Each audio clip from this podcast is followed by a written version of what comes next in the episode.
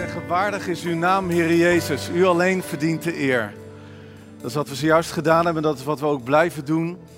Dat de kerk blijft zeggen, u verdient de eer. Dank jullie wel dat jullie ons in de aanbidding hebben meegenomen. En we gaan tijdens de preek verder om God te aanbidden. Want voorlezen uit het woord van God en bezig zijn met het woord van God is ook aanbidding. Het is mijn verlangen voor de kerk van Nederland dat we steeds meer u-liederen gaan zingen. Steeds meer liederen waarin we ons richten op God zelf. En je merkt ook wanneer je u-liederen gaat zingen, gericht op God zelf, dat de gemeente ook in actie komt. En dat we God gaan aanbidden om wie u bent, Heer Jezus. Dat we de handen omhoog heffen. En dat we zeggen, Heer, u bent waard alle eer. In Afrika en Af Afro-Amerikaanse uh, gebieden daar uh, zijn mensen veel meer dan hier gewend om in de U-vorm God te aanbidden. En ik kom zelf uit een geloofstraditie waarin we liederen zongen, vergadering van gelovigen kom ik vandaan. En we zongen altijd in de U-vorm. Dat waren misschien wat ouderwetse liederen qua uh, dichtvorm. Maar wat ik heb meegenomen, wat ik nog altijd waardeer en wat ik ook cultiveer en wat ik ook probeer te blijven doen, is dat ik liederen zing in de U-vorm. Heer Jezus, u bent waardig te ontvangen alle eer, alle glorie.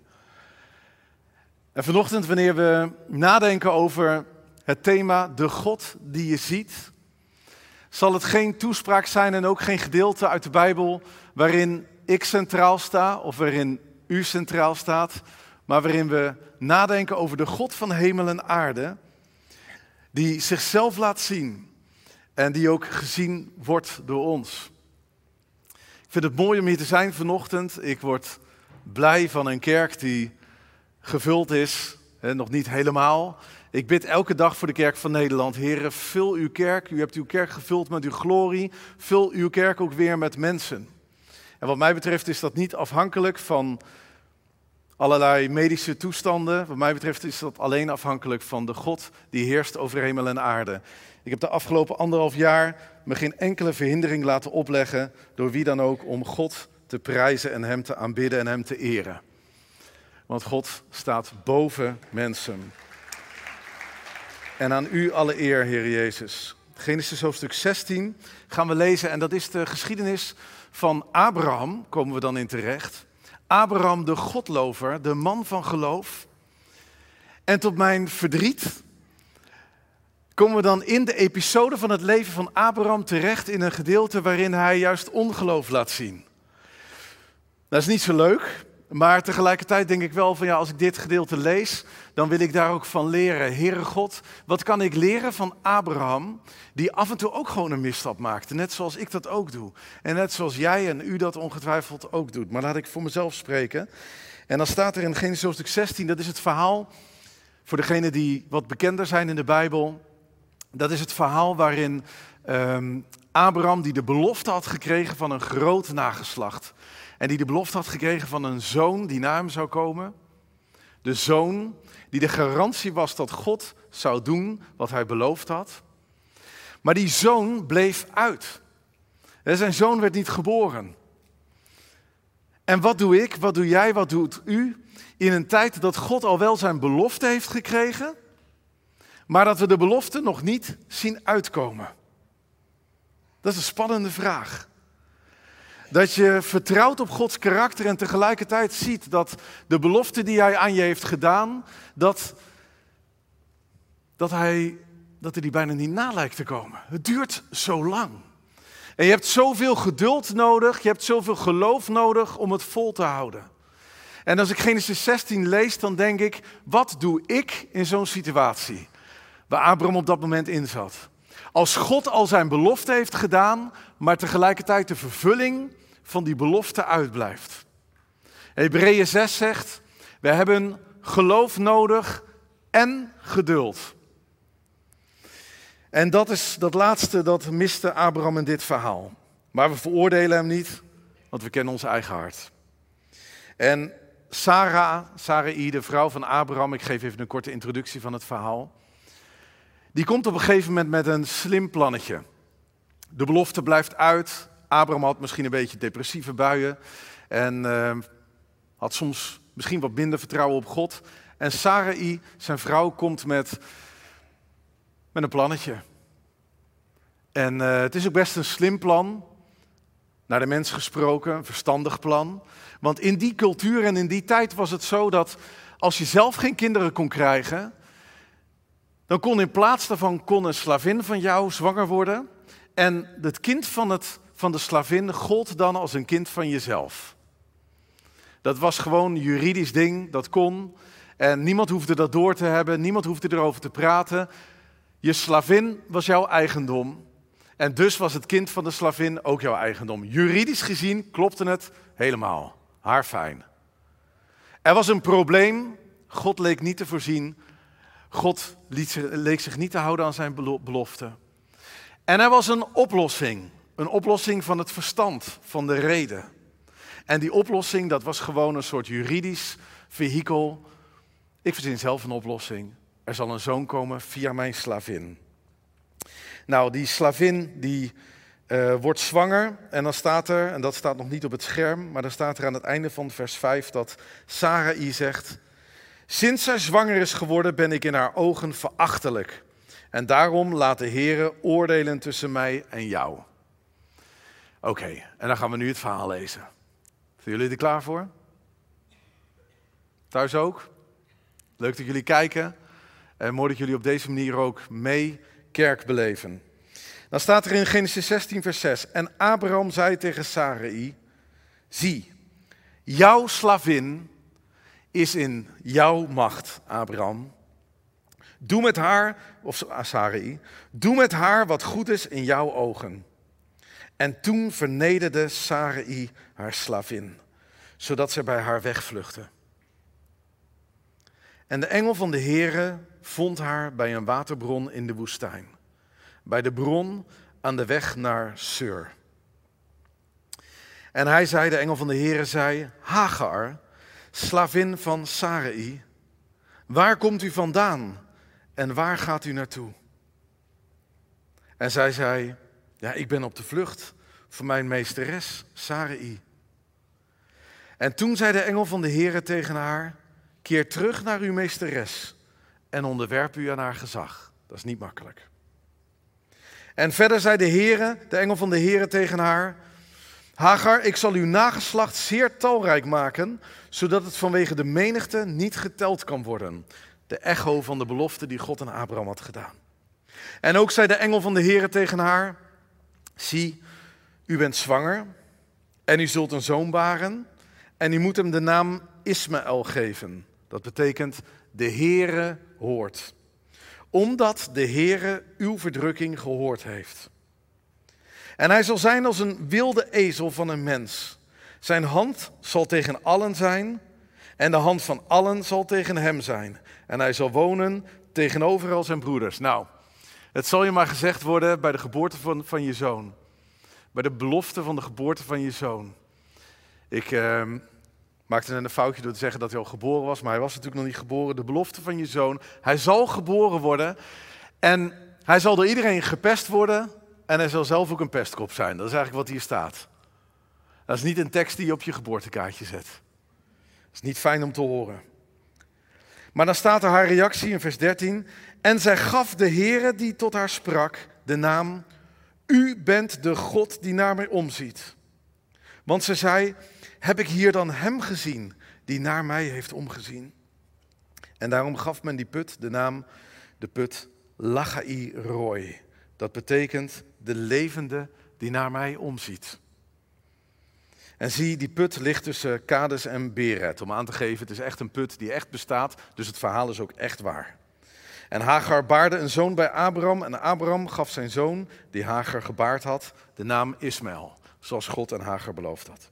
En Abraham was 86 jaar oud toen Hagar Ismaël bij Abraham baarde. Zoals ik al zei, een bijzonder verhaal en een beetje een vreemd verhaal. Wat je hier als eerste ziet is dat Hagar, die haar meesteres verachtte, in gelaten hoofdstuk 4 wordt, worden Hagar en uh, Sarai worden tegenover elkaar gezet. Hagar vertegenwoordigt het vlees, de oplossing van het vlees. Sarah vertegenwoordigt de oplossing van God. Nou, Sarah en Abraham hadden ervoor gekozen om een menselijke oplossing te kiezen. En wie was er van de dupe? Daar was allereerst Hagar de dupe van. Haar naam betekent vreemdeling. Hagar, een Egyptische slaaf, die als vreemdeling bij Abraham en Sarai vertoefde. En zij was de eerste die de dupe werd van de menselijke oplossing die Abraham en Sarai hadden bedacht. De tweede die hier de dupe van werd, dat was de zoon van Abraham, Ismaël. Want verderop in het verhaal, in Genesis hoofdstuk 21, daar lees je dat Ismaël uiteindelijk ook weggestuurd wordt samen met zijn moeder. Opnieuw, voor de tweede keer op de vlucht. Twee mensen al die de dupe waren van een verstandelijke beslissing van Abraham en Sarai. En de volgende die de dupe van werden, dat waren Abraham en Sarai zelf. Want er kwam oneenigheid in hun huis, er kwam gedoe, er kwam strijd. De slavin Hagar minachtte haar meesteres. En het eerste dat ik, als ik dit verhaal lees waar ik over nadenk, en een les die ik als eerste leer voor mezelf en die ik ook wil doorgeven vandaag. De eerste les is dat wanneer wij Gods beloften niet meteen vervuld zien worden, en wanneer we moeten wandelen in geloof, en wanneer we geduld nodig hebben, dan komen wij net als Abraham in de verleiding om het zelf te gaan proberen. Dan komen we als kerk van Nederland, dan komen we als mensen hier in Drachten en ik uit Veenendaal, we komen in de verleiding om zelf oplossingen te gaan verzinnen. Het zijn vaak oplossingen van het vlees. En daarom is het bijzonder dat Galaten hoofdstuk 4, heel Galaten gaat eigenlijk die brief van Paulus, die gaat over de wet tegenover de genade. En wat zegt Paulus in Galaten hoofdstuk 4 en in 5 en in 6? Hij zegt daar, als wij iets toevoegen aan het plan van God. Als Wim Hoddebach, als ik probeer om zelf dingen te doen zonder naar God te kijken, dan zal ik daar helaas, en dat klinkt een beetje hard, maar zal ik daar uiteindelijk ook de rekening voor ontvangen. Maar zegt Paulus dan omgekeerd, als jij het plan van God bewandelt en als je geduld hebt en als je in geloof gaat, dan zul je uiteindelijk ook oogsten wat God gezaaid heeft. En dat is de mooie belofte die aan dit ernstige verhaal vastzit. En het is de waarschuwing die Abraham mij geeft, Wim en ook hier vandaag in Drachten. Wandel alsjeblieft niet in je eigen wegen. Kies de wijsheid van God boven de wijsheid van je eigen verstand. Ondernemers hier in de zaal, durf je knieën te buigen wanneer je staat voor een moeilijke beslissing. Misschien werk je bij de gemeente Drachten of bij de gemeente Deel of bij ergens in, misschien wat verder weg in Groningen. Of, en je werkt bij een gemeente, je bent ambtenaar en je bent gewend om het allemaal zelf te doen. En je bent gewend om dikke stukken te schrijven en stop er een keer mee. Stop er de weg van het verstand te gaan. En durf je knieën te buigen voor God en te vragen om een goddelijke oplossing. Papa's en mama's hier in de zaal en vaders en moeders thuis. Als je het niet meer ziet zitten in de opvoeding van je kinderen, stop er een keer mee om het menselijke verstand. Stop ermee om te scrollen langs Instagram. Stop ermee om allerlei tips en tricks te ontvangen van mensen om je heen. Maar durf ook een keer de knieën te buigen voor God. Durf je kinderen, voor degenen die een gezin hebben, durf de kinderen om je heen te verzamelen en zalf ze met olie. En zeg, ik wil jullie zalven met goddelijke wijsheid. En ik wil graag Gods weg gaan. Opa's en oma's die zich druk maken over je pensioen, oudere mensen. Of ehm, de mensen die in de generatie zitten dat je, je je leven lang misschien wel druk hebt gemaakt over je toekomst. Durf gewoon te stoppen met je zorgen te maken over de toekomst. Durf weg te geven wat je in al die tientallen jaren hebt opgebouwd in de verwachting dat God uiteindelijk je verwachtingen zal overtreffen in de naam van Jezus oudsten van de gemeente, voorgangers en vrijwilligers, mensen die hierbij betrokken te zijn, durven het eens over een andere boeg te gooien. Laten we in de kerk van Nederland niet bij ons eigen verstand te raden gaan, maar laten we ons richten op de God van Israël, de God van hemel en aarde. Want de wijsheid van God zal uiteindelijk ervoor zorgen dat de wegen ook geëffend worden en dat paden begaanbaar worden. Maar wanneer ik mijn oplossing ga zoeken in het menselijke verstand, in de menselijke oplossingen, hoewel juridisch misschien juist, net zoals in die dagen, zal het uiteindelijk tot niets leiden. En wij als de Kerk van Nederland hebben te vaak geprobeerd om het zelf te doen naar eigen inzicht. Er zijn zoveel commissies, er zijn zoveel plannen, er zijn zoveel allerlei menselijke beredeneringen. Maar stel dat de Kerk van Nederland het over de andere boeg gaat gooien. En dat we gaan zeggen, ik zoek niet langer de menselijke weg, maar ik ga Gods weg. En ik ga in geloof wandelen. Wat zou er dan gebeuren met ons land? Wat zou er gebeuren als we op de knieën gaan en ons verootmoedigen, maar ons ook uitstrekken en zeggen, u bent waardig, waardig is het lam. De eerste les van Genesis 16. Zoek het niet bij je menselijke verstand, maar ga op de knieën en zoek het bij Gods wijsheid. Het tweede dat hier staat in Genesis hoofdstuk 16 is dat er staat in vers 7: De engel van de Heere vond Hagar bij een waterbron in de woestijn, bij een bron aan de weg. En hij zei en hij sprak: Hagar, slavin van Sarah.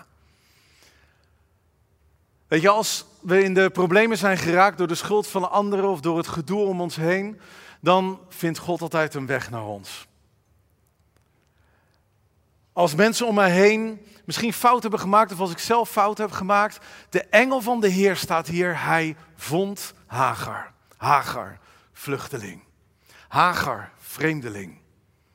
En hier in de zaal zitten mensen en thuis zitten mensen en je voelt je een vreemdeling. Je voelt je een vluchteling tussen de mensen om je heen.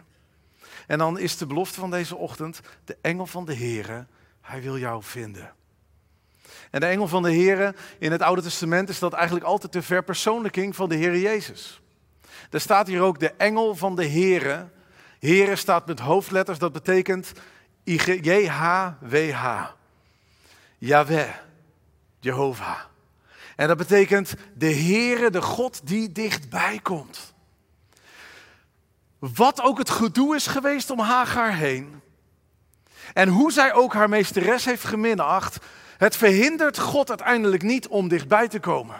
Het verhindert God niet om te zeggen: Ik vind jou. En waar vindt hij haar? Bij de bron. En wat doet hij? Hij begint te spreken. En als hij begint te spreken, wat is het eerste dat God doet? Hij noemt je naam. De hemel kent je naam, Hagar. De hemel kent je naam. Lieve mensen hier in de Bethelgemeente in Drachten. God kent je naam en God wil je vinden. Toen de Heer Jezus op aarde was, staat er in Johannes hoofdstuk 1, meen ik, dat hij op zoek ging naar discipelen. En dan staat er dat hij Filippus vond. En Filippus die is zo enthousiast over Jezus dat hij op zoek gaat naar een vriend. En dan staat er, Filippus vond Nathanael. En dan staat er dat Filippus en Nathanael om zich heen verkondigen dat zij Jezus hebben gevonden. En wat ik bijzonder vind in dat verhaal in Johannes hoofdstuk 1, ergens vers 40, 42, 43 staat dat. Dat er staat, de Heer Jezus vond hen, maar uiteindelijk zeggen zij, wij vonden Jezus. En zo is het altijd bij God. Als God jou vindt, dan heb je altijd het gevoel, ik heb God gevonden. En dan ga je ook weer op zoek naar andere mensen die ook weer Jezus mogen vinden. Dat is het doel van God. Hij wil jou vinden vandaag en hij kent je naam. En dan stelt de engel van de Heer een vraag. En hij zegt, Saar of Hagar, slavin van Sarai, met andere woorden, ik ken je herkomst. Ik weet uit wat voor ellende je komt. Ik ken niet alleen je naam, maar ik ken ook je functie. Je bent een slavin van Hagar van Sarai en je hebt het niet makkelijk. En dan stelt hij een vraag, Hagar. Waar kom je vandaan en waar ga je heen? En vandaag stelt God dezelfde vraag aan jou en aan u. Waar kom je vandaan? Wat is je geschiedenis? En waar ga je heen? En met het stellen van deze vraag sluit de engel van de Heer ook aan bij haar diepste angst. Want zij kwam uit een, uit een ellendige situatie. En ze wist niet waar ze heen ging. En daarom is dit verhaal vandaag een bemoediging voor jou en voor u en voor mij. Want velen van ons komen vandaag aan een situatie en je weet, je komt misschien wel uit een lastige situatie. Sommigen van ons komen terug van een mooie zomervakantie. En sommigen komen terug van een zomervakantie die mooi had kunnen zijn, maar die lastig bleek te zijn. Sommigen van ons komen helemaal niet terug van een zomervakantie, maar hebben heel hard moeten werken om de eindjes bij elkaar te knopen. Sommigen van ons liggen op dit moment thuis, op bed. Of in het ziekenhuis en je ziet het terug, je kijkt het terug of op dit moment kijk je live. En de Heer Jezus zegt vandaag tegen je, waar kom je vandaan? En waar ga je heen? En Hagar is eerlijk. Ze zegt, Ik kan het niet mooier maken dan het is. Ik ben op de vlucht van mijn meesteres Sarai. Nou, waarom stelt de Heere God een vraag aan Hagar? Als God een vraag aan ons stelt, is het nooit omdat hij het antwoord niet weet. Want God weet waar wij vandaan komen en hij weet waar wij naartoe gaan. Maar als God een vraag aan ons stelt, is het omdat hij graag uit onze eigen mond wil horen wat ons antwoord is. Hij wil dat wij het dagboek van het leven schrijven in zijn nabijheid en dat wij de pagina's van ons dagboek vullen met gedachten over Hem. En dat we eerlijk zijn over waar we vandaan komen. Eigenlijk zegt Jezus hier in de persoon van de engel van de Heer, Yahweh, zegt God hier tegen Hagar, Hagar, ik weet al waar je vandaan komt. Ik ken de hoofdstukken van je leven. Ik heb je dagboek gelezen en ik kan je één ding vertellen. Ik weet ook al wat er op de volgende pagina's komt.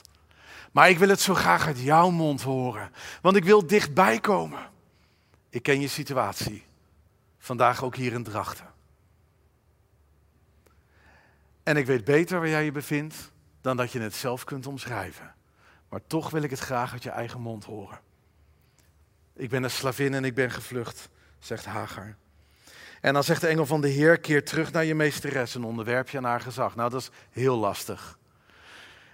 Dat je in een situatie bent waarin je onrecht ervaart en dat je je toch in dat onrecht verbindt aan de mensen om je heen. Dat is lastig. Dat is ontzettend moeilijk. Maar als God het van je vraagt, dan is het goed om het te doen. En als God iets moeilijks van je vraagt, verbindt hij daar ook vaak een belofte aan. Want de engel van de Heer gaat verder en zegt: Ik zal je nageslacht heel talrijk maken. De belofte die ik aan Abraham heb gegeven, rust ook op jouw leven. En ik zal niet alleen iets moeilijks van je vragen, maar ik wil ook dat de belofte van God met je meegaat. En daarom bevestigt ik die vandaag aan jou persoonlijk. En dan komt dat stukje dat ik net al heb verteld. U zult zwanger worden, je hebt een zoon gebaard. En je zult een zoon krijgen met de naam Ismaël. De Heere heeft gehoord. En wat er dan gebeurt vind ik heel bijzonder. In vers 13. En Hagar gaf de Heere die tot haar sprak een naam. En ze zei, u bent de God die naar mij omziet. Want ze zei, heb ik hier dan hem gezien die naar mij heeft omgezien. En weet je dat dit de allereerste keer is in de Bijbel dat een mens God rechtstreeks aanspreekt en zegt, u bent. En dat een mens God een naam geeft. Allereerste keer. Het was niet Abraham, het was niet een van de grote mannen uit het verleden. Het was Hagar, een vreemdeling, die voor het eerst zei: U bent God en ik noem u bij naam, zelfs bij een naam die u nog nooit aan mij heeft geopenbaard. God heeft zichzelf laten zien als de Elohim, als de God in meervoud die de hemel en de aarde zou scheppen. God had zichzelf getoond als de Yahweh, als de God die dichtbij kwam. En hij had gezegd, ik ben die ik ben. God had zichzelf geopenbaard. God had zichzelf laten zien als de Adonai, de Heer aan wie we ons mogen onderwerpen. Zoals Hager zich aan haar, aan haar slechte meesteres moest onderwerpen. Zo mogen wij ons aan onze Adonai, onze goede Heer, mogen wij ons onderwerpen. En al die namen had God aan zichzelf gegeven. Maar nog nooit had een mens gezegd, Heere God, u bent de God die naar mij omziet. En het was Hagar de vluchteling die voor het eerst rechtstreeks God aanbad. En als ik dit lees, dan denk ik, Heere God, u wil aanbeden worden door, door mij. U wil aanbeden worden door mensen hier in de zaal. Want u bent de God die naar mij omziet en daarom noem ik u bij naam. En sinds ik dit een tijdje geleden ontdekte, ben ik God namen gaan geven. Niet alleen maar de namen die hij noemt in het Oude Testament. De band mag alvast naar voren komen. Niet alleen maar de namen die God openbaart over zichzelf. Maar ik ben God namen gaan geven, gewoon vanuit de dagelijkse praktijk. Als ik tijdens de vakantie bad voor het gebied waar wij waren, we waren in het Hugenotengebied in Frankrijk, Anduze.